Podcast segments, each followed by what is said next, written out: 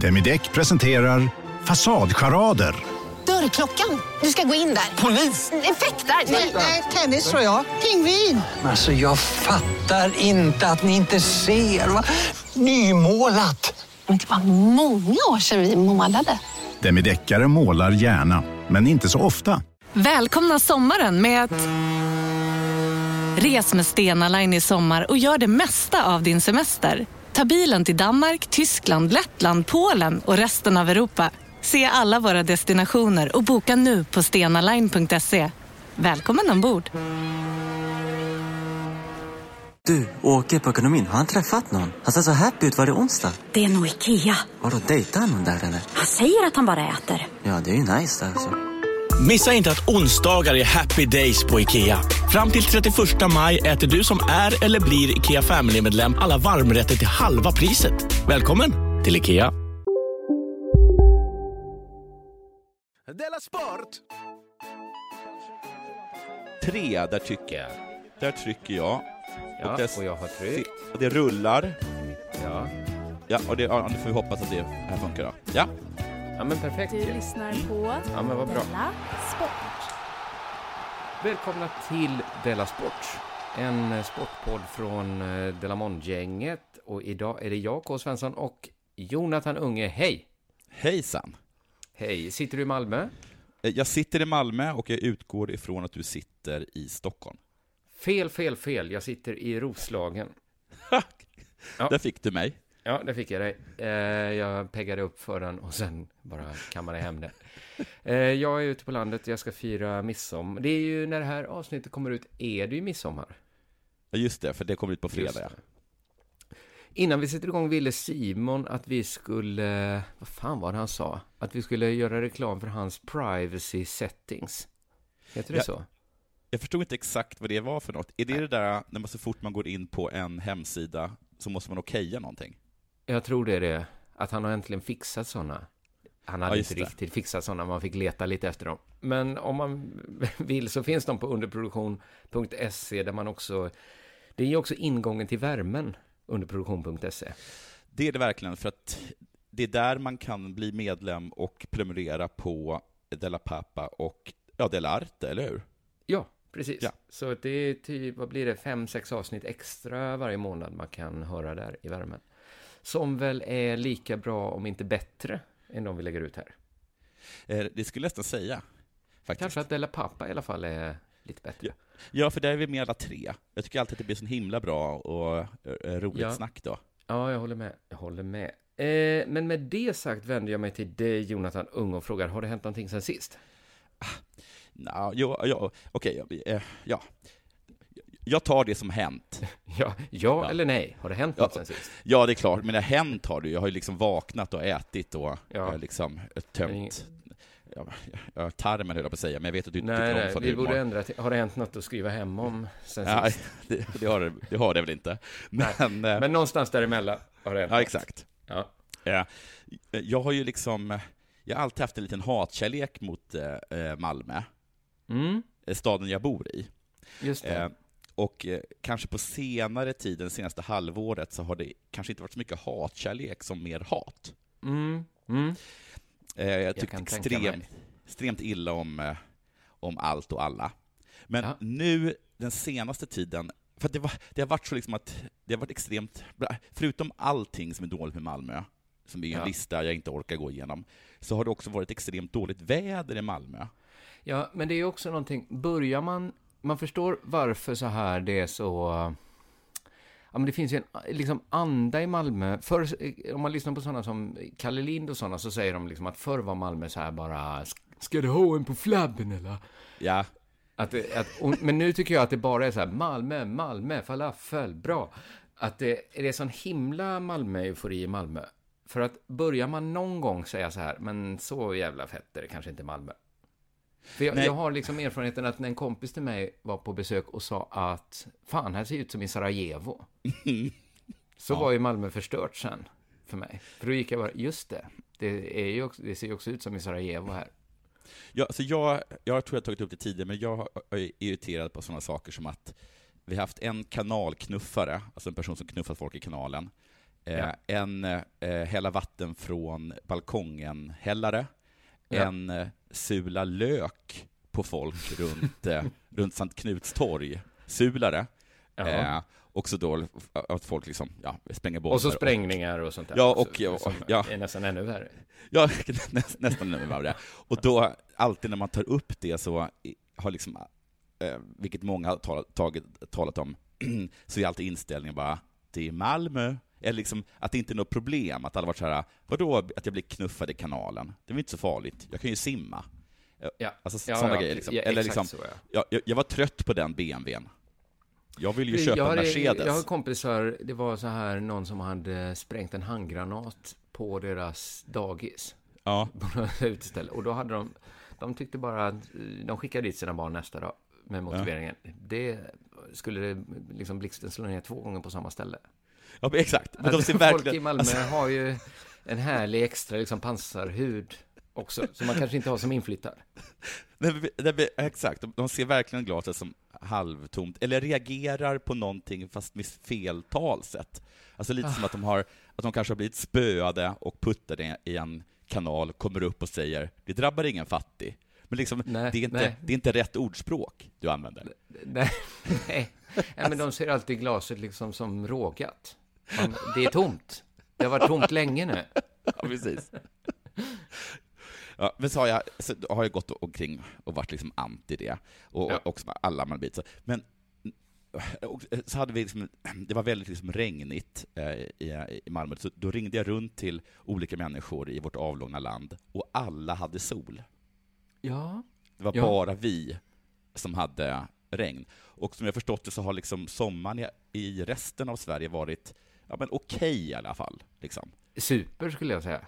Ja, och den har varit Alltså det är som förra sommaren, fast behaglig. Jaha, och här har den varit, eh, har varit en, en lite otrevlig höst. Ja. Ja, men nu de senaste dagarna så har det liksom slått över och då har jag liksom tagit mig eh, eh, till Västra hamnen och, och badat och nu Mm. är jag, nu, alltså, nu kan jag inte längre eh, ha- eh, ha kvar den här tiden. Alltså fy fan vilket bra badstad det är. Ja, det är ju det, ja. Det tog många år i Malmö för mig innan jag fattade. Jag var nästan tvungen att ta fram en karta och liksom, fan, det ligger ju faktiskt vid havet. Ja, man märker ju inte det. Alltså det, är, det, få hamnstäder har så himla lite känsla av Ja. hav som den här Ja, staden. Verkligen. Men, men om man väl tar sig dit så är det liksom fantastiskt. Ja. Eh, det, det enda jag kan klaga lite på är att jag tycker att eh, vattentemperaturen skiftar oerhört mycket. Aha. Jag förstår inte hur det kan vara 17 ena, ena dagen och 18,8 andra. Mm, ja, det var ingen superskillnad där. Det var väl nästan två graders skillnad Ja, det- på en ja. dag. Ja. Kommer tillbaka Jo. nästa dag, eh, 19,1. Det är jag lugn med. Det är jag Ja. helt lugn med, att det går från 18,8 till 19,1. Helt För det är ju bara med det. 0,3. Ja. Ja, ja, Kommer tillbaka dagen efter, har varit kanonväder, supervarmt på natten. 17,5. Ja. Nej, Mäter de ytvattnet? Eller? vet, de måste ju Nej, uppenbarligen mäta det minst pålitliga vattnet. Ja, de mäter Men det där, är, det, det där är petitesser. Ja, alltså, ja, det är, det är inte Malmös största utmaning ändå. Nej. Just nu. Sen har jag lämnat in eh, min, vad heter det, min eh, deklaration hos, Mm. eh, hos eh, eh, Krove, eller hur de uttalas, min eh, revisorfirma.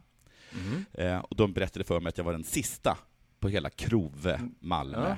Att lämna in. Och de, berätt... ja, och de berättade också, vilket är konstig pik. Ja, det är, lite, det är ju en pik inbakad. Jag det. visste det är en pik i den. Jo då, det är det. Det är det. Ja. För jag, jag betalar ju... Ja, skitsamma. Men vad heter det? Eh, Då berättade de i alla fall att, jag, att min, min taxi, mitt taxiåkande har gått ner dramatiskt och det fick jag mycket beröm för. Ja, det var ju roligt. Fast också kanske en liten pik inbakad väl? Att jag inte har För råd. det ligger, det ligger fortfarande högt väl? Ja, det är fortfarande högt. Ja. Okej. Ja, ja men eh, det var väl bra. Jag, jag märker ingen skillnad för nästan allt. Jag upplever att du ändå åker ganska mycket taxi. Ja. Ja, jag önskar alltså- ju att jag var lite mer som du, att jag hade den lättheten till att eh, liksom, eh, vad ska jag, säga, delegera uppgifter omkring mig. Jo. Men eh, eh, när, jag, när de sa då hur mycket jag hade gått ner så tänkte jag, men det är ju för att jag har mörkat. Jaha, att du inte lämnar in alla kvittorna. Nej. eh, Nej. Men, sen så tycker jag ändå att det är trevligt att få lite beröm, så jag log. Och då sa Mm. de så här, men det är antagligen för att du har mörkat. Och Ah. då, då blir jag imponerad av mina revisorer, att de har en sån himla god eh, eh, insikt i mitt själsliv, eller, Ja, eller hur jag verkligen. beter mig. Men också tänkte jag så här att det kanske man inte ska säga. Ah, ja. Till dig? Eller, ja men, det är ju, känner de dig så väl alltså? Uppenbarligen. Ja, du har kanske mycket kontakt med dina revisorer. Ja. Men sen tänkte jag, för att jag åkte faktiskt taxi eh, eh, häromdagen då, och jag åker så mycket taxi så att jag har ju liksom börjat få en liten relation med en del taxichaufförer. Eh. Mm. Så Och då att- finns det ändå många i Malmö. Ja, det finns det. Ja. men, men, men de säger liksom hej och så frågar de liksom hur, hur, min dotter mår eh, Ja. och sådana saker. Och, eh, men nu har det gått så långt att då kan jag säga, eh, ja men hur går det för din, eh, din grabb som jobbar som systemutvecklare i Stockholm? Åh. Ja. Och sen, och sen kanske han säger någonting, jo men det går bra, han ska komma ner med sin, eh, med sin flickvän. Och då kan jag säga så här, eh, eh, vad bra, och hur hanterar hon liksom förlusten av sin mor? Och så kan vi tala lite om det. Och Gud, saker. det låter ju... Det är vackert, men det låter som en som åker för mycket taxi och en som kör för mycket taxi. Ja, en jobbar ju som taxichaufför. jo, jo, jo. Kan väl ha lite gränser för sig själv, även om man... Men tror, tror du att han också har Crove som revisorer? Ja, men om jag och, de säger, du vet att du har kört... Börjar, jag hämtar upp folk helt random. Jag är inte privatchaufför, men de börjar liksom veta vad min familj gör. Det skulle jag tänka, kanske, kanske kör för mycket taxi. Det här blir ju inte alls bara ett, så ett mellansteg mellan två jobb. Nej, precis. Men att revisoren eh, säger det, att, eh, att vad heter det, folk, eh, kännedomen om dina barns vad heter det, partners sorg är lite väl hög. Ja. Kanske borde köra lite mindre taxi. Kanske tagga ner lite, ja. Ja, Okej, sista grejen jag bara ska ta upp är att jag eh, eh, eh, jag har, har hängt lite, jag har, jag har lyckats liksom hitta lite mer liksom fritid med Simon, varit lite inklämd liksom. Det Men jag har eh, sett det i våran eh, privata chatt. Ja, ja men lite det, det är liksom luncher och grejer. Ja, lite lunch, lite så här AV. Ja. Ehm, och det uppskattar jag så hi- himla mycket för att det är väldigt lätt, tycker jag, när man jobbar med en vän, att, ehm, att allt umgänge bara blir jobb. Ja, just det. Eh, Så, det upp, så jag verkligen uppskattar det himla mycket att få vara Men lite kompis problem- med Simon, inte bara liksom kollega. precis. Men problemet om man inte jobbar med en vän är ju att man aldrig träffas å andra sidan. Ja, det har du för sig rätt i. Ja. Men, men det här låter ju som du får det bästa av eh, alla världar då. Ja, eh, eh, absolut. Eh, så det vill jag bara säga att det har varit väldigt trevligt. Nu Ja. till det mindre trevliga. Mhm. Jag förstår mig inte på Simon ibland. Nej, men nej. Och det här är ju ett gammalt gnäll. Men ja, nu- men man kom- kan inte förstå 100 procent. Men menar nej. du att du förstår 0 procent? Nej, inte noll, men... Och det här, Men närmare kanske har noll än äl- 100. Alltså det här har jag ju ältat tusen gånger, men nu får, nu får ni bara stå ut. Det är bara Ja. att jag förstår mig inte på... Alltså, jag tycker att Simon oftast kräver någon sorts perfektion när det kommer till eh, många olika saker, eller som han skulle se det, det absoluta minimumet. Ja, just det. Eh, Mm. ehm, och, och trots att han kräver detta, så ehm, i alla fall i första stadiet, så vill han väldigt sällan hjälpa till. Ja, men han kan ha... Ja, jag förstår vad du menar. Jag förstår vad du menar. Så till exempel nu så har jag, jag har slarvat bort min eh, Zoom, det är min inspelningsgrej. Ja. Eh, och liksom, eh, då måste jag hålla på och strula med den då, lite tekniskt. Eh, Ja. Och då säger han saker som att det klarar du. Men Ja. alltså ingenting tyder ju på att Nej. jag klarar det. Jag, jag tänkte det idag också. Vi ska ju ändå spela in nu. Är det inte bättre? För han så skrev ju det K kan annars. Så här, Ja. Jag kan inte. Nej, Men tänker han att vi ska så här växa med uppgiften? jag, jag förstår inte hur länge han ska köra den här, äh, att, hur länge han ska köra den liksom pedagogiska, alltså hålla, varför håller han på med den här, vad, vad heter det? det, det finns någon, det finns någon pedagogisk, äh, att man, att man är i en sorts zon där man nästan klarar av det, men, Ja. eh, och, och man ska hela tiden vara i den zonen där man, att man är precis klarar av Ja, det. ja, ja, ja, ja. Eh, det är proximal, jag kommer inte ihåg vad den kallas. Men det är som att han fortsätter att hålla oss kvar i den. Jag förstår inte när han ska ge upp. När han, när han ska ge upp att... Och den är väl framtagen för att liksom lära sig glosor och sånt. Inte så här när det är skarpt läge, vi ska spela in, det är vår försörjning. Det är liksom tre Nej, för familjefäder som ska ha pengar till sina barn. Ja, och eh, han blir också tokig när det inte blir bra. Ja.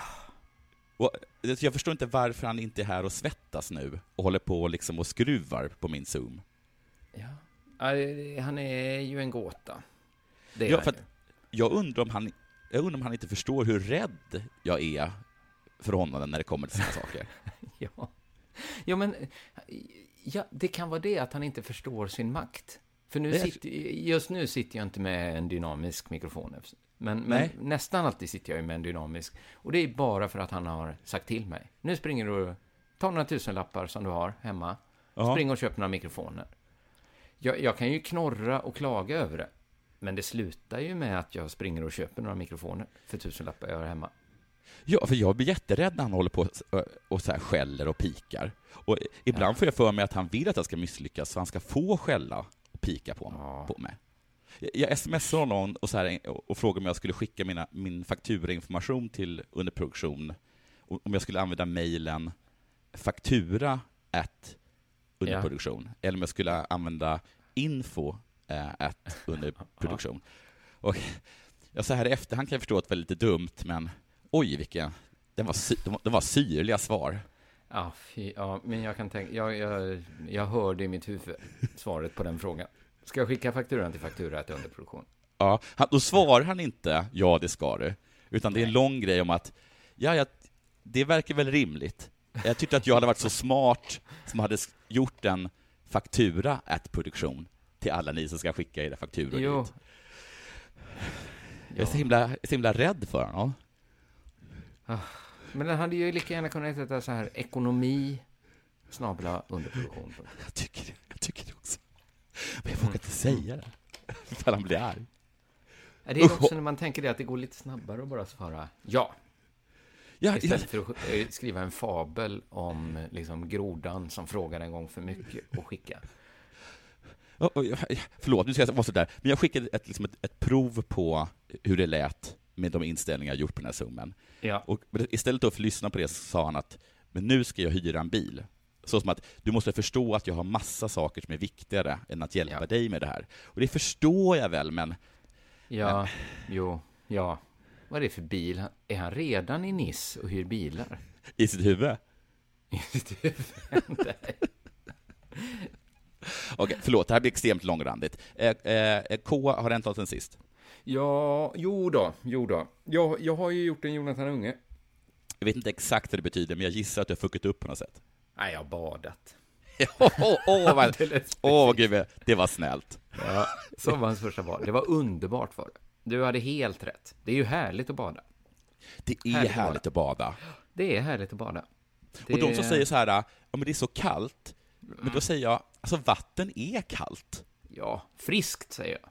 Ja, så, så kan man säga det. Men, man kan inte vara så här, vad tror du att du ska hoppa in i? Något som är lika varmt som luften? Då är det ju nästan meningslöst. Då får du ju dra till Reykjavik Ja, och, och bada Ja, i... Ja. då är det... Ja, nej. Nej. Absolut inte. Det, Nej. Underbart var det.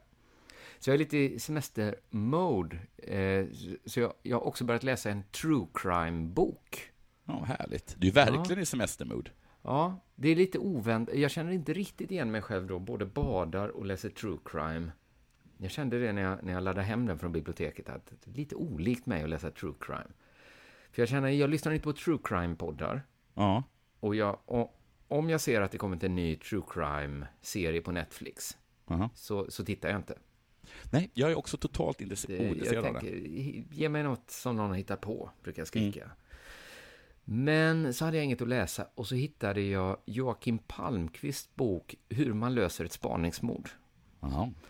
Och jag blev ju genast nyfiken, för den handlar om den enda svenska privatpersonen som löst ett spaningsmord. Jag visste inte det, att det, bara, det är bara en. Therese Tang heter hon. Och så blev jag dels, dels blev jag nyfiken då, hur löser man ett spaningsmord? Och liksom hur gör man det som privatperson? För att jag har ju bara, alltså, det är ju extremt vanligt inom deckargenren.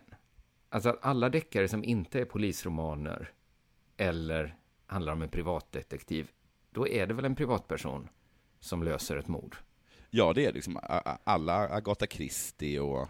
Ja, precis. Miss Marple och dem. Och, även, Och, jag tror- och jag tror journalist liksom all- tycker jag också är. Annika Bengtsson och sånt. Journalist måste, brukar de vara, ja. Ja. För jag, kollar, alltså in, jag tror att det, det hände något när Sjövall Wahlöö släppte sina Beck-böcker. Att man kan, just det, man kan också vara på en, det är mer naturligt. att man skriver om poliser som löser ett mord. Behöver man inte hitta på den, att, som H.K. Rönnblom, att det ska vara en läroverkslärare som löser mord. Eller Maria Lang då, att Puck Ekstedt, som håller på att skriva på sin licentiatavhandling, också ska lösa ett mord på ett naturligt sätt. Eller att Det- liksom, Hur är det med, hur är det med Trenter? Det han har ju fotografen Harry Friberg då, Ja, just det. mord. Då får man hitta på hela tiden varför han, varför Harry Friberg snubblar över ett mord och lyckas Ja. lösa det. Ja, det är Det konstigt att ingen knäckte den koden innan Sjöwall Wahlöö. Nej, går direkt på polis. Men det, det finns säkert ännu fler exempel. Men, men i verkligheten är det då extremt ovanligt, i alla fall i Sverige, där det bara hänt en gång. Så jag började läsa och jag insåg att tänk om jag gillar true crime. Att det, är det, jag tycker det känns lite som att säga så här, jag älskar porr. Ja, men det är det. Alltså, Det det är är, det. så snaskigt liksom. Ja, det är det, fast, Men- det, fast det är mer accepterat än porr. Ja, det får man säga. jag ska erkänna tyckte att jag, jag kollar lite på YouTube eh, true crime-grejer. Ska, jag- ska jag Gör det ändå? Ja, jag gör det. När lampan är släckt. Ja, verkligen. Ja, eh, för jag tyckte ju jättemycket om, kommer jag då på Lasermannen-boken. Ja, den har jag också Gud läst. vad jag läste Den är svinbra. Och jag, i, alltså vad jag har läst mycket om Palmemordet. Det är väl true crime det också? Ja, men precis, det var precis det, jag skulle säga, att det här måste, Ja. hon måste ju vara er stora idol. Alltså hon är väl det som alla ni privatspanare vill Ja. vara. Men sen kommer ju då Joakim Palmqvist och berättar att det bara hänt en gång av alla mord. Då tänker man att det just skulle hända på Palmemordet så att en priva- privatperson kommer. Jag tror att om du går äh, äh, mördarens äh, flyktväg en gång till, så kommer Ja. den falla på plats. Då kommer jag hitta något. Ja, tror jag. En kniv. Men varför har ingen kollat bakom elskåpet? Går du dit? Ja, men, ja, men kanske. Man, man får, jag ska läsa hela boken och jag har inte kommit så långt vad, vad Therese Tang egentligen gjorde. Jag ska bli, jag blev lite inspirerad av henne. Men det jag, jag kom på det, det jag gillar mycket med true crime är ju att man lär sig så mycket. Jag har ju Mm. lärt mig så mycket om 90-talet när jag läste om eh, Lasermannen och så mycket om 70-80-talet när jag läste om Palme. Och trodde inte jag lärde mig något när jag läste om Therese Tang i den här boken. Eh, När är detta? Vilken tid är det? Detta är, men det är kanske tio år sedan eller något sånt. Ja, det är så pass nära. Mm, det handlar om en äldre förmögen man som han är liksom anmäld försvunnen. Och så, och det jag lärde mig då, det var så himla intressant. Första gången, först är det så här liksom att, ja men han är försvunnen. Ja, ja, folk försvinner. Han är Mm. vuxen liksom. Det är inget barn, de drar inte igång en skallgång. Det tar flera dagar då. Men sen kommer polisen till huset där han saknades. Och då har han varit borta i veckor, tror jag. Mhm. Och polisen heter Jonas Blomgren och så står det så här. Jonas Blomgren antecknar och ber att få leta igenom huset. Och då tänkte jag så här, han ska leta efter spår. Mm. Men så är det inte. I många fall med försvunna personer har man märkligt nog hittat personen i huset. Jaså? Död då, tänkte jag. Han ligger död i huset. Nej. Anmälaren har inte hittat den försvunna för han har gömt sig. Jaha, är en skrubb. Jonas Blomgren. Det tyckte jag var så himla mycket ny information för mig. Att det är vanligt.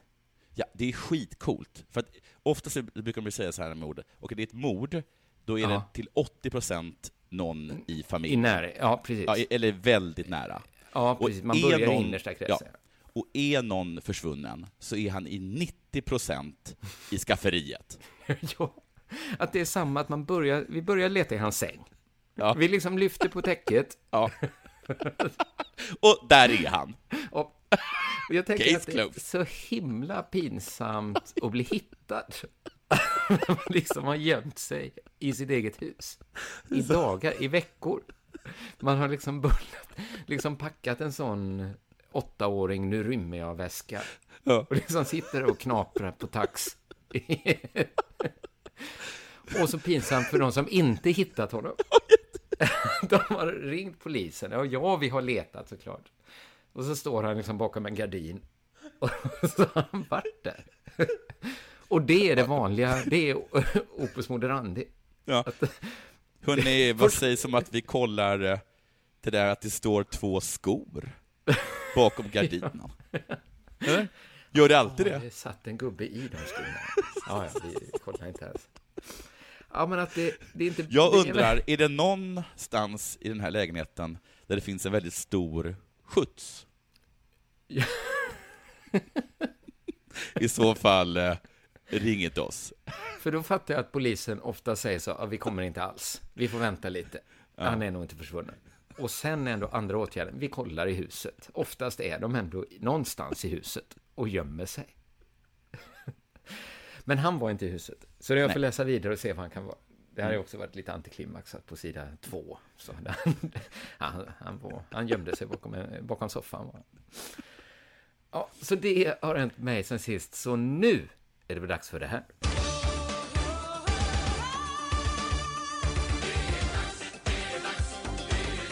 Della Sport. Det här är, jag läser från svt.se, Mm. Mm. Eh, tror jag. Den förre Uefa-ordföranden hämtades under tisdagen av fransk polis misstänkt för korruption i samband med att Qatar tilldelades fotbolls-VM 2022. Mm. Det är alltså Platini vi talar om nu då? Det är Michel Platini. Mm. Eh, vår, precis ja. Eh, han har nu släppts eh, av fransk polis. Ja. Eh, Platini nekar till alla anklagelser. Eh, och när han var fri att lämna polisen så tillbakavisade hans advokat William Bourdon alla uppgifter om att det handlade om ett gripande. Det har varit mycket väsen för ingenting, sa hans Mm. advokat. Okej. Det här förhöret pågick dock i flera timmar. Ja. Eh, Det tog lång tid, men med tanke på hur många frågor de hade kunde det bara ta lång tid. Jo, Sä- jo, men det var ingenting.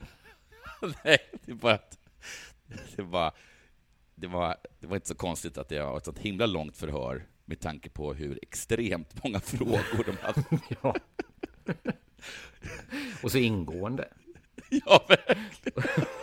Och så allvarliga. Det var många frågor där jag var, var tvungen att tänka till. Mm. Ska jag hålla tand för tunga? Så då är det inte så Just konstigt att, att jag satt där ett tag. Eh, Jag Oj, fick, oj, oj. Ja, jag fick frågor om EM 2016, VM i Ryssland 2018, VM i Mm. Qatar 2022 och Fifa, sa det Platini innan han lämnade platsen. Han lämnade platsen eh, som en fri man som på inget sätt var förvånad över hur oerhört lång tid förhöret varade, eftersom Nej. han då visste att det var extremt många frågor. Mm. Eh, även Claude Guénant kommer vi, Mm. kommer vi låtsas att han heter, eh, Mm. för detta fransk inrikesminister och eh, stabschef hos förra presidenten Nicolas Sarkozy, förhördes av polisen under tisdagen. Enligt uppgifter till tidningen France Football så ska ha Sarkozy ha deltagit i ett möte med Platini och Qatars nuvarande emir Tamim bin Hamad Al Tahin i Élysée-palatset veckan innan Qatar tilldelades fotbolls-VM. Eh, Michel Platini eh, spåddes efterträda Sepp Blatter som internationella fotbollsförbundet, Fifas ordförande, innan båda drogs in i en stor korruptionshärva 2015. Både Platini och Blatter stängdes av i flera år och lämnade sina poster, bland annat efter att olaglig penningtransaktion på motsvarande 17,2 miljoner kronor mellan pamperna eh, påkommits. Mm. Mm. Mm. Inte snyggt. Nej, det är inte snyggt. Och det här det är ser bara en inte fo- snyggt ut i alla fall. Det kan ju säkert. Nej, precis. Och då är det inte så konstigt att det är så mycket frågor. Eh, en sak som jag reagerade på under den här senaste delen av utredningen om mutor till Michel Platini. Det är Mm. att han på bild sett så himla smagg ut. Ja. Eh, jag tror Mm. att självbelåten är det, den svenska översättningen av Just ordet det. eh, smagg, va? Ja, ja, ja. Mm. Eh, jag förstår Nu- vad du menar. Nu kan det ju självklart vara så att media råkat fånga ett oerhört självbelåtet uttryck i Michel Platinis ansikte, och då har Mm. de såklart valt att publicera det av Men alla. visst har man sett den typen av, alltså jag tänker Sepp Blatter, eh, Berlusconi, att, när det är, att de kan Ja. ha ett väldigt smakt eh, Det eh, måste- leende när, när liksom de är illa ute. Det påverkar inte liksom hur smacka de, de är. Nej, för jag, jag håller med dig, för jag tror mig ha sett mer än en bild där Platini har sett eh, smagg ut, självbelåten. Ja. Och eh, precis som ni säger så finns det liksom andra fall av människor som har Jag, ska påstått säga, så. jag har aldrig sett en bild på Lennart Johansson när han sett smagg ut. Nej, det ska han fan ha. Ja, Ja. han har aldrig sett så, ja, nej, aldrig. Vila i frid. Ja, precis. Och visst, återigen, kanske bara lyckades de fånga en bild med Mm. när de hade en sån min. Men Mhm. oj, vad just den minen var självgod. Någon gång har den ju varit där också. Ja, men även så om den bara även- var kort. Så det är en skicklig fotograf. Som... Ja, även om den bara varade i en nanosekund så Ja, man måste ändå haja till över hur självbelåten den minen var. Alltså det Mm. var Bara på Storytel. En natt i maj 1973 blir en kvinna brutalt mördad på en mörk gångväg.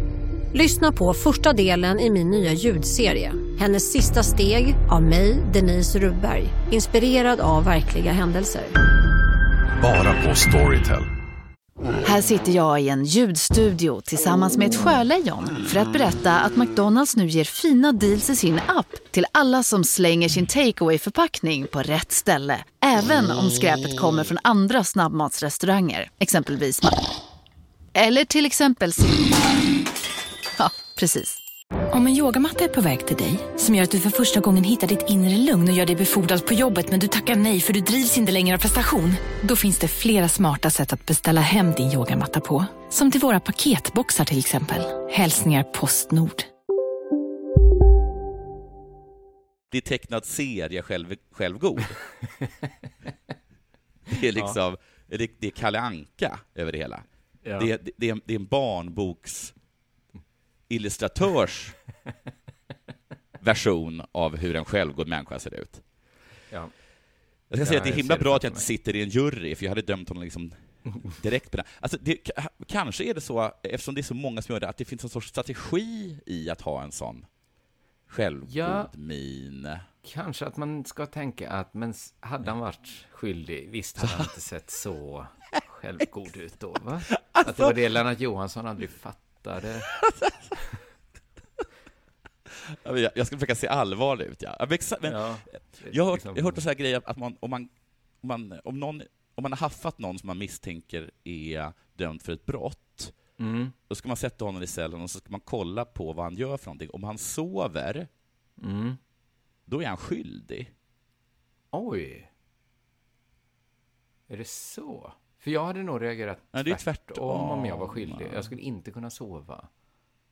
Hade du kunnat sova när du var oskyldig? Men jag tänker... eh, Ja... hmm. Jag hade nog haft svårt Fast- att sova i häkte. det, för det, det var en jättekonstig liknelse. Varför skulle du... När är någonsin självbelåten en bra strategi? Nej. Ah, ja, skitsamma. Ja, skitsamma. Det, Ja. det var mest en liten tanke. eh, att eh, han såg så, han, han var så... För jag läste på SVT-artikeln, han såg så tokigt självbelåten ut. Hur som Men helst. är det liksom överkompens... Alltså att man vill inte se skyldig ut? Så Ja, liksom och så- vrider och så kan man man- åt andra ah, hållet ja. istället? Att... Och hans advokater frågar, kan du försöka att inte se skyldig ut? Då svarar, då svarar Michel Platini, det kan jag absolut inte. Eh, jag har inte den talangen. Och då säger de, då får vi gå på plan B, se självbelåten ut. Kan du inte ge mig blasé? Ge mig smuck då. Ja, precis. Ja. Eh, Den andra grejen som jag tänkte på i och med att jag läste om det här var en uppgift som som en gammal uppgift, som, men som jag inte bara kände till. Eh, och nu läser jag en översättning jag själv har gjort från, eh, eh, jag tror att det är Time. Jag, tr- jag, vet, jag vet inte om det är New York Time eller om det är eh, magasinet Time. Hur som helst. Nej. Här kommer den. Anklagelse om att Michel Platini skulle ha tagit emot en Picasso-tavla av Ryssland inför omröstningen av VM 2018 har kommit fram. Det är så Eh, himla mycket liksom Wall Enberg att ta betalt i en Picasso-tavla. Nu vet, nu vet jag att han är skyldig.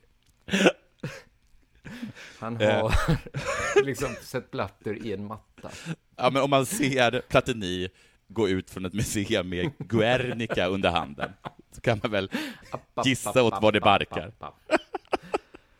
Ja. Eh, Mm. Något även den belgiska eh, Fifa-ledamoten eh, Michel, alla heter Michel, de Hogue, som vi säger att han heter, också eh, eh, anklagas för att ha eh, gjort, alltså tagit emot en Picasso-tavla av Ryssland. Hur många tavlor av Picasso har Ryssland att strössla med? Ja, typiskt ryssar. Nu, nu det- fick man lite upp den bilden av nyrika ryssar, att de... Ja, det vore de ska ha jättekul en- att gå på Moderna Museet i Moskva och se hur jävla tomt det är.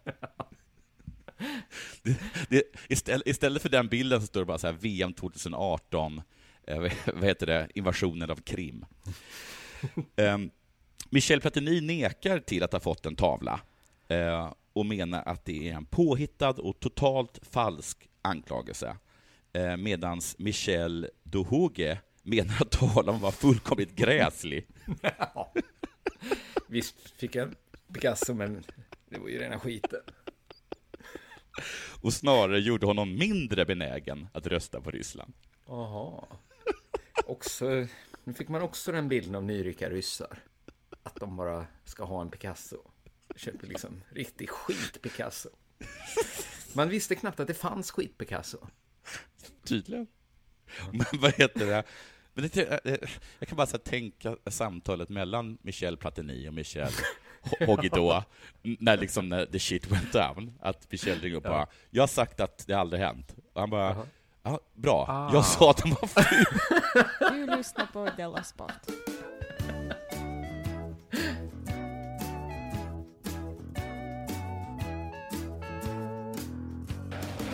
Det är så här att det för första gången på 12 år har ett svenskt, har vi fått ett svenskt lagguld i bowling-EM. Du, det förvånar mig, för att jag har alltid ha- fått för mig att vi är svinbra på bowling. Ja, men jag tror vi är hyfsat bra. Att jag tror detta Ja. var femte EM-guldet ändå. Ja, vi, ja. Vi, vi har ju också vunnit ett EM-guld nu. Så det är klart vi är bra. Mm. Men det är ju ändå en världssport, känns det som. Det är, i alla fall, det är i alla fall en av de där liksom, som- sporterna som folk gör på fyllan över hela världen. Liksom. Ja, det är väl sant.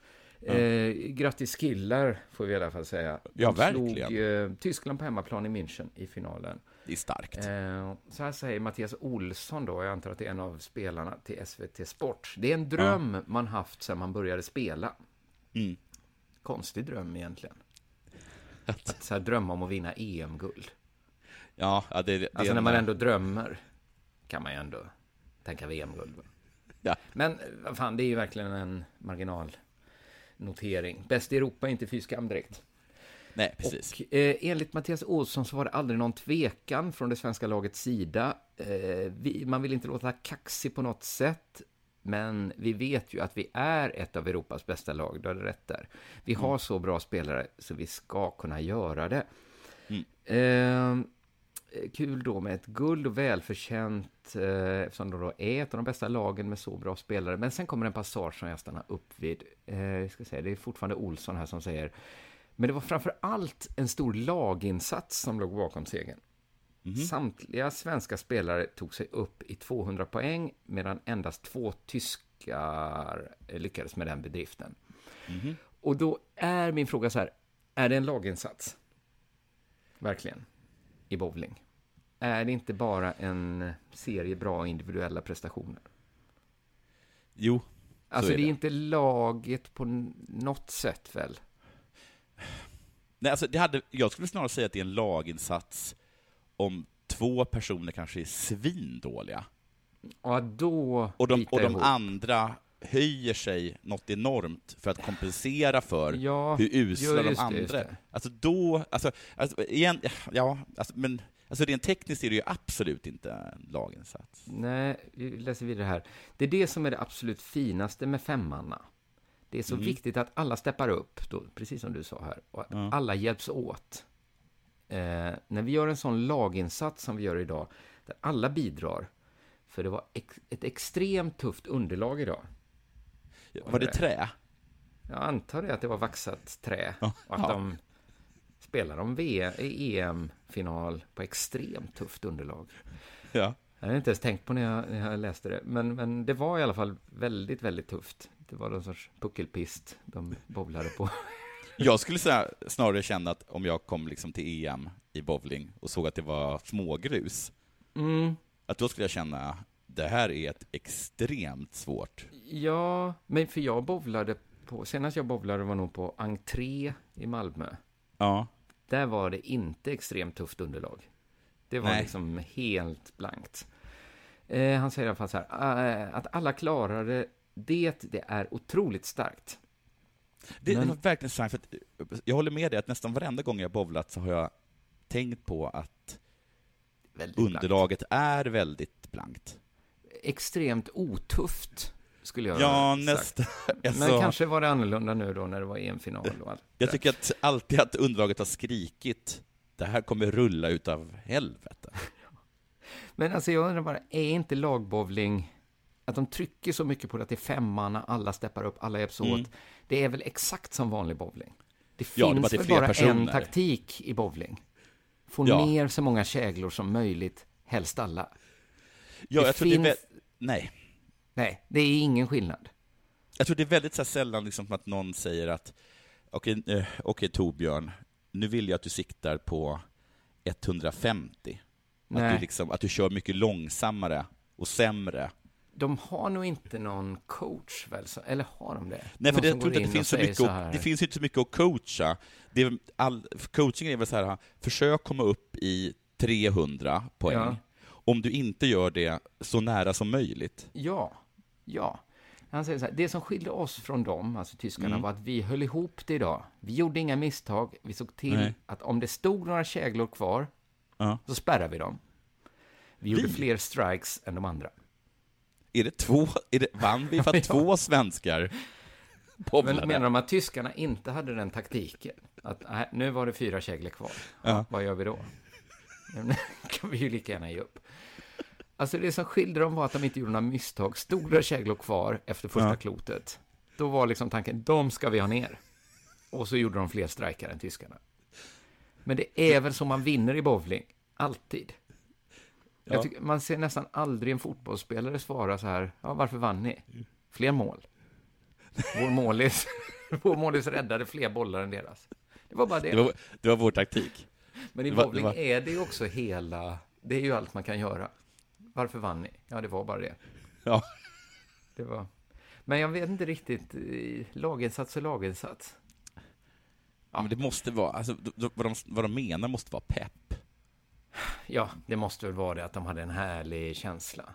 Att alla svenskar stod och bara ta ner alla käglor den här gången. Medan, medan, liksom, medan tyskarna liksom var, var- borta och, liksom och käkade Och så fick man spärr och så bara, ja men det gjorde inget, du tar dem på nästa klot. Exakt, och så tror jag att tyskarna bara, shit, vad, då skrek de liksom från, från bratwurstbordet längre bort.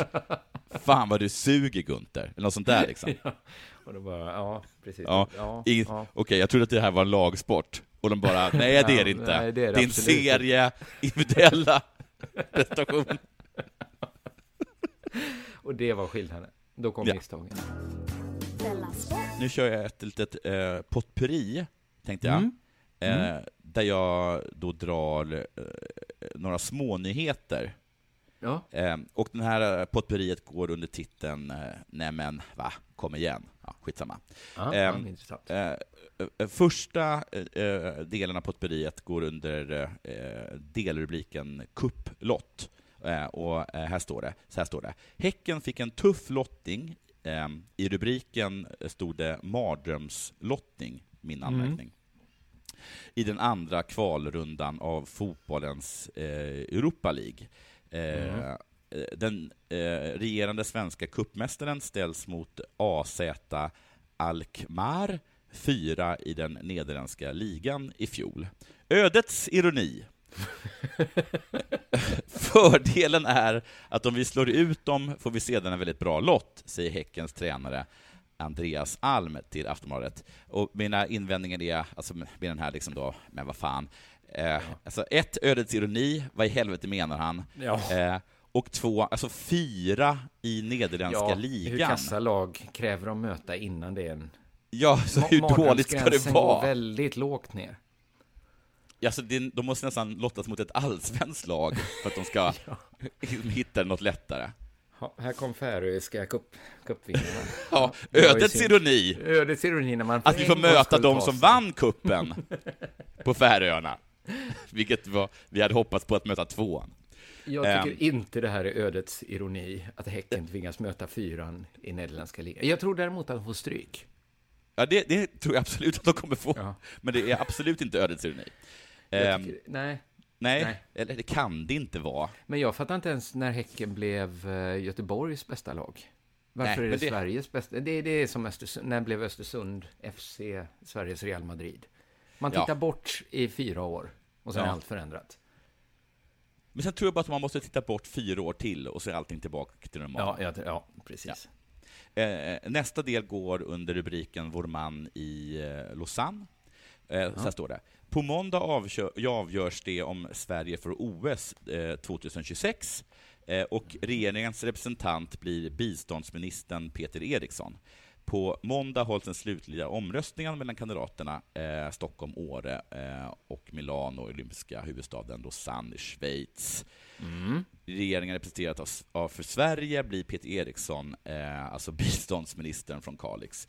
A- Amanda, Amanda Lind, kultur och demokratiministern som ansvarar för idrottsfrågorna, skulle egentligen åka, men eftersom hon är höggravid frågar hon mig, eftersom hon vet att jag är idrottsintresserad.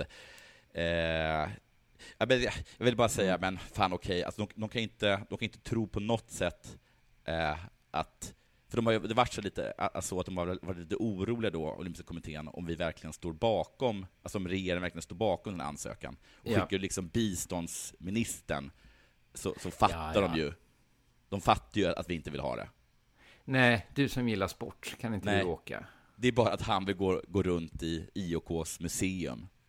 Ja, precis. De andra, hur kom du? Vad är din bakgrund? Här? Ja. Jag eh, studerade i Sorbonne. Ja.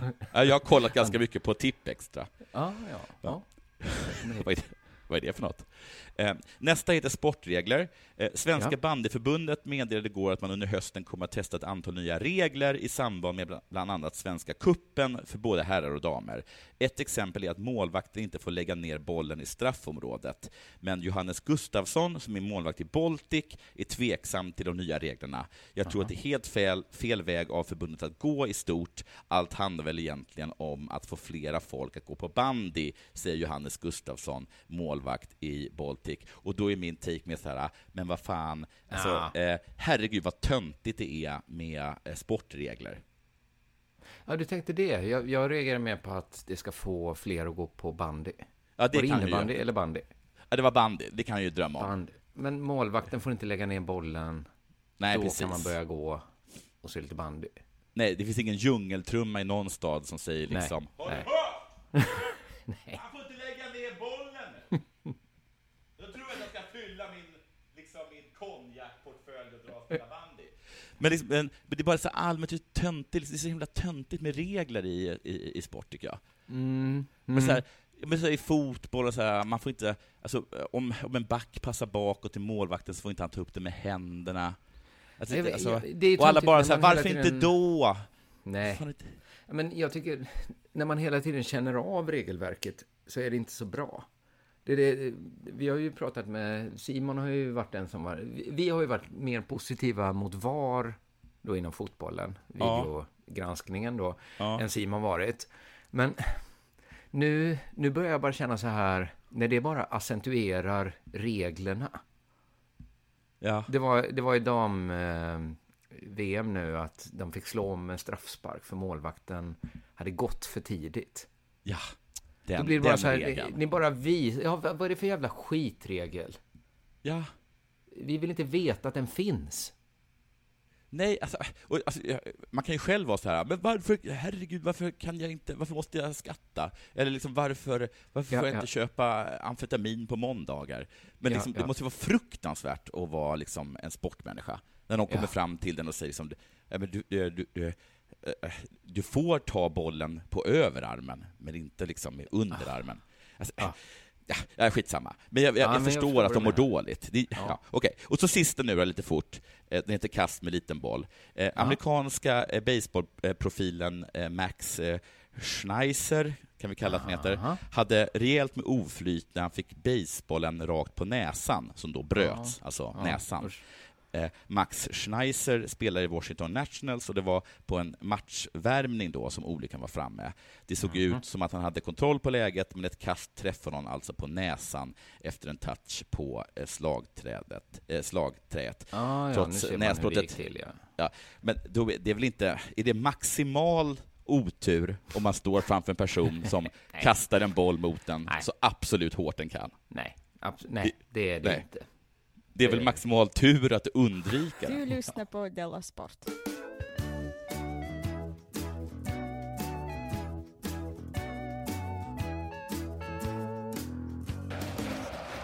Vi har pratat om Caster, Caster Semenya tidigare här i Della Sport. Det, hon är medeldistanslöpare från Sydafrika. Mhm. Extremt bra på, på att springa fort, eh, medellångt. Och problem, eller problem, eller vad man ska, det, det har blivit ett problem att hon är hyperandrogyn. Mm. Ja, du vet ju vem det är.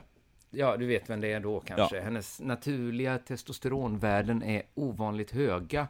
Ja. Vilket då blir en fördel inom kvinnoidrotten. I alla fall medeldistanslöpningen. Och det, det här är ju inget eh, Semenya kan rå för. Nej. Hon är född sån. Ja, det är helt naturligt. Det är inte, ingenting har ändrats. Hon är bara född Eh, Hon har inte varit inne och petat, men då enligt ett ja, ska säga, snävt sätt att se det, så är hon naturligt dopad. Kan man ju säga. Nej, jag, jag, se. jag, jag är emot det. Jag tycker inte heller, nej. Eh, Ett annat sätt att se det är ju bara att hon har en medfödd fördel. Ja. Så att vissa basketspelare är längre än andra. Exakt. Så, ja. så först och främst är det ju en fråga om det är ett problem överhuvudtaget. Mm. Och om man tycker att det är ett problem, då blir frågan, men vad ska vi göra åt det då? Mm. Internationella friidrottsförbundet IAAF tycker att det är ett problem. Eh, och fallet har nu varit uppe i Schweiz eh, federala domstol och där argumenterade IAAF för att eh, Semenya är citat, en biologiskt manlig idrottare med kvinnligt kön. Ytterligare en sån där eh, Ja, grej precis, man måste för hålla man i hade huvudet. ju liksom precis lärt sig, eller i alla fall när jag eh, läste på universitetet så, så skiljer man på kön och genus. Ja. Där kön är det biologiska könet och genus är det sociala könet. Ja. Men Semenya har ett socialt kön som är kvinna. Ja. Uppenbarligen är hon ju det. Ja. Socialt. Och sen har hon enligt IAAF två biologiska kön. Mm. Hennes kropp är man, men hennes könsorgan är kvinna. Ja, precis. Så egentligen är det ju 2-1 till kvinna, tycker jag. Ja, det är Hon precis. känner sig som en kvinna. Hon har ett kvinnligt könsorgan. Men hennes kropp är man. Åh, jag önskar att jag hade varit hennes advokat. Mm, ja. Jag hade, jag hade, Ja. här, jag hade vänt mig till henne och sagt eh, ehm, när du är ute liksom efter en partner, eh, frågar du om den personen eh, är född i ett jordtecken, så som stenbock? Och hon bara, Mm. eh, ja. Och jag bara, case closed. Ja.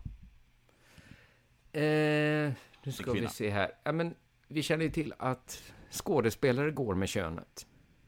Ja. En friidrottare springer med benen som är Ja. en del av kroppen. Ja, okej. Ja. Så det avgörande enligt IAAF är då den manliga kroppen som de anser att hon har. Och den lösning som IAAF ser är att eh, Semanja måste börja medicinera ner sina testosteronnivåer om hon vill fortsätta springa. ja, det är ju också helt sjukt. Ja, Det är lite sjukt faktiskt. Hon var inte så glad för det här. eh, Det förstår jag. Semenya. Hon tycker att IAAF använt henne som ett mänskligt försöksdjur för att experimentera med medicin. Jaha, det var kanske överdriva. Ja, det var Eh, kanske att ta i det åt andra hållet också. För jag skulle... förstår. för jag jag skulle illa upp i alla fall. Hon Ja, var jo, väldigt ja. ledsen när de sa att, de sa ju egentligen att du är ett monster. Vi Ja. har inga monsterklasser som vi tävlar i. Så att antingen tar du antimonstermedicin och så Ja. kan du vara med tjejerna. Eller så... Eh, men det här hamnade alltså då i schweizisk domstol. Vet inte varför det blev just Schweiz. Men det var ju också den här, det kanske är lite idrottshuvudstaden då. Ja, men allt hamnar i Schweiz, i Schweiz Ja, förr eller Nazistguld, nazistguld som, som, som, Som liksom, om man ska eh, avgöra hur, hur kvinnlig någon är. Minst tre kön hamnar Ja. där. Men de här schweizarna som är så neutrala, de avslog IAFs eh, krav på medicinering. Så Semanja bra. får fortsätta tävla trots sina höga testosteronnivåer. Däremot får hon inte tävla i Diamond League på söndag. Nej. För det går i rabatt. Och det marockanska friidrottsförbundet, de sa nej. Kan de tyckte- göra det? Ja, tydligen. De tyckte inte det behövdes någon motivering ens. Självklart inte, sa de bara. Men, men kan, de, kan, de, kan de också säga så här, vi är inte superglada att det kommer, jag vet inte, shia-muslimer och tävlar? Alltså vad, Kanske. kan de göra liksom... vet inte. Jag tycker inte de alltså, hur, hur borde- mäktig är idrottsförbundet i rabatt? Ja, de är jättestora marockanska friidrottsförbundet över just tävlingar i rabatt då, Ja, ja. i alla fall. Här bestämmer Men- vi. Det här är ju, alltså även vi vet väl var vi står i fallet Semenya, men det går inte att sticka under stol med att det är lite av en kluring ändå. Ja, men alltså det vad är... är rätt och vad är fel? Det är ju en kluring. Ja, men det är klart att det är, men alltså, om man är född... Alltså, vi, eh, jag, jag håller med, eh, för att, men hon är, Men helt de- överlä- hon är helt överlägsen. Men Ja. hon är, nu är hon ju född sån. Alltså, Ja, eh, och det finns, det skulle bli så, hon skulle bli ännu mer överlägsen i den hyperandrogyna klassen antar jag. alltså, jag tror hon skulle spöra skiten ur alla andra. Och då skulle hon då behöva tävla i herrklassen. Ja, det, Ja, det känns precis. Det känns konstigt också, hon är ju inte man. Nej, men jag tycker det är konstigt med om man, om man har, om man har liksom, om man, ans, om man är, är född, man är född med liksom, med manlig man med, eh, låt oss kalla det för snopp, och Mm. med eh, manlig, eh, i alla fall en medelnivå av testosteron, och Ja. sen eh, gör en eh, någon sorts operation och säger att man är kvinna. Eller kanske inte ens gör en operation, utan bara säger att man, säger att man är att man kvinna. känner sig som en men, kvinna. Men hon är ju bara liksom en jävligt superstark brud. Ja, egentligen, definitionen av en kvinna är väl... Det är ju inte testosteronnivåerna i alla fall. Men alltså, kan, men man kan, alltså, är det så att du kan vara en jättestark kvinna med Mm. väldigt låga testosteronnivåer? Det går kanske. Jag tror testosteronet hjälper lite i alla fall. Annars skulle väl inte folk dopa sig med syntetiskt Nej, för testosteron. är test, nej, alltså män dopar ju sig med testosteron. Gör inte kvinnor det? Jo, men alltså, jag menar att även män gör Ja, det. även män, ja. Alla Ja. vinner på mycket testosteron. Ja. Ja. ja. Men det är ju en kluring. Och SVT Sport då, det var ju egentligen det här jag ville komma till. De kollade Ja. med hennes svenska konkurrenter vad de tycker om fallet Semenya. Mm. Och 800 meters löperskan Hanna Hermansson, hon säger så här. Jag vet inte. Jag rättar mig bara efter vad man bestämmer. Det finns Mm. inget rätt eller fel egentligen. Det är någon som blir lidande hur den blir. Och jag tycker att det är väldigt skönt att slippa ha en tydlig åsikt i frågan. Ja. Men kanske om jag var 800 meters löperska, att jag hade haft en åsikt. Men jag blir, jag blir liksom lite imponerad över att hon har modet att knäböja inför att frågan är så svår. Att hon liksom, det finns inget rätt eller fel. Det får bli som de som bestämmer bestämmer. Ehm, man kan också såklart se det att eh, det är lite svagt att inte ha någon åsikt. Hon får frågan om hon tycker att Semenya ska medicinera ner sina värden. Alltså, det låter lite extremt att be behöva göra något emot hur man är född. Men, Men- å andra sidan är det en stor fördel de har. Jag är 50-50 där. Jag vet inte. Några blir lidande hur den blir. Hon är 50-50. Det är så himla otur att det skulle väga precis jämnt. Men det kanske gör det. Ja. Men att Hermansson Men- blir, hon blir som åsnan som blir stående mellan höbalarna här. Det går inte att ta ett beslut. Det är precis 50-50. Jo, men om, om Hermansson hade spelat i den kvinnliga NBA, vad heter den? WNBA, va? Vet det? Mm, mm, ja, kanske. Bara, ska, man, ska man skära liksom? Man skära av en halv meter på, på, på Georgina? Alltså det, För och emot, Det- finns inget rätt och fel. det finns inget rätt och fel att bara ta av en halv meter på henne. Och, det, det känns extremt. Det känns extremt att skära av liksom huvud, bål och arm. Men alla blir ju lidande på något sätt. Ja, Alltså, Eh, antingen så... antingen får hon ha kvar halva sin kropp, Ja. och eh, då är ju hon, då är hon glad. Men så, Eller så kan hon det liksom väldigt svårt för mig då. det blir fel hur man än gör. Ja, men hon... Då borde ha haft henne som pressansvarig på, um, i Treblinka. Ja, det, Alltså, nej, nu tog jag i. ja, Vi leker med tanken. Hur ska Ja. man göra? Hur ska man Ja, ska man... Ja, det är de som bestämmer får bestämma. Ja. Det. Lovisa Lind har svenska rekordet på 800 meter. Ja. Hon vill inte kommentera processen kring Semenya överhuvudtaget. Här, smart. Ingenting. Jag har valt att inte lägga någon energi på det eller kommentera det överhuvudtaget, säger hon med ett leende.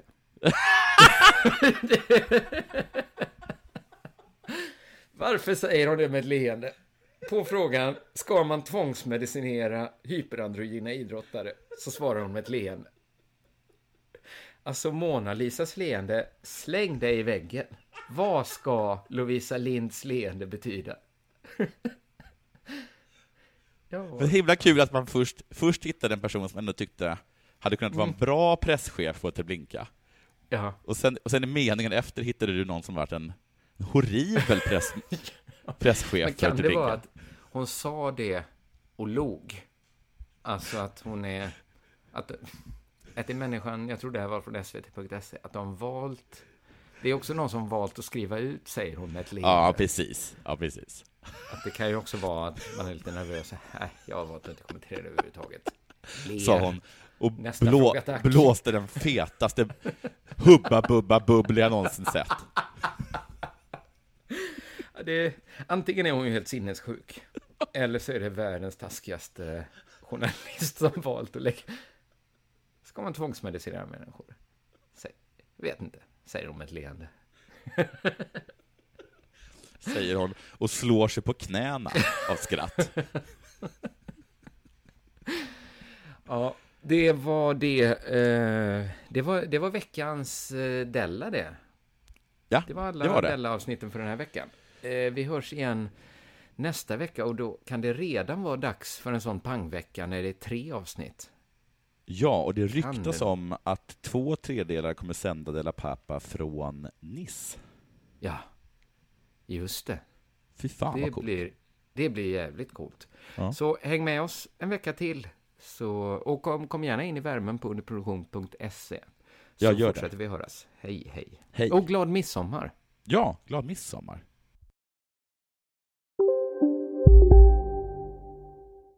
Hej, Susanne Axel här. När du gör som jag och listar dig på en av Krys vårdcentraler får du en fast läkarkontakt som kan din sjukdomshistoria. Du får träffa erfarna specialister, tillgång till lättakuten och så kan du chatta med vårdpersonalen. Så gör ditt viktigaste val idag, listar dig hos Kry. Dåliga vibrationer är att skära av sig tummen i köket. Ja! Bra vibrationer är att du har en tumme till och kan scrolla vidare. Få bra vibrationer med Vimla. Mobiloperatören med Sveriges nöjdaste kunder enligt SKI. Dagens vinnarprognos från Postkodlotteriet. Postnummer 65209, klart till halvklart och chans till vinst. 41101, avtagande dimma med vinstmöjlighet i sikte. Övriga 10 500 postnummer, soligt och möjlighet att vinna. Oavsett när sommaren kommer till dig så kan du och dina grannar få dela på 48 miljoner i sommaryran. Ta chansen nu i maj på Postkodlotteriet.se. Åldersgräns 18 år. Kontakta stödlinjen om du eller någon anhörig spelar för mycket.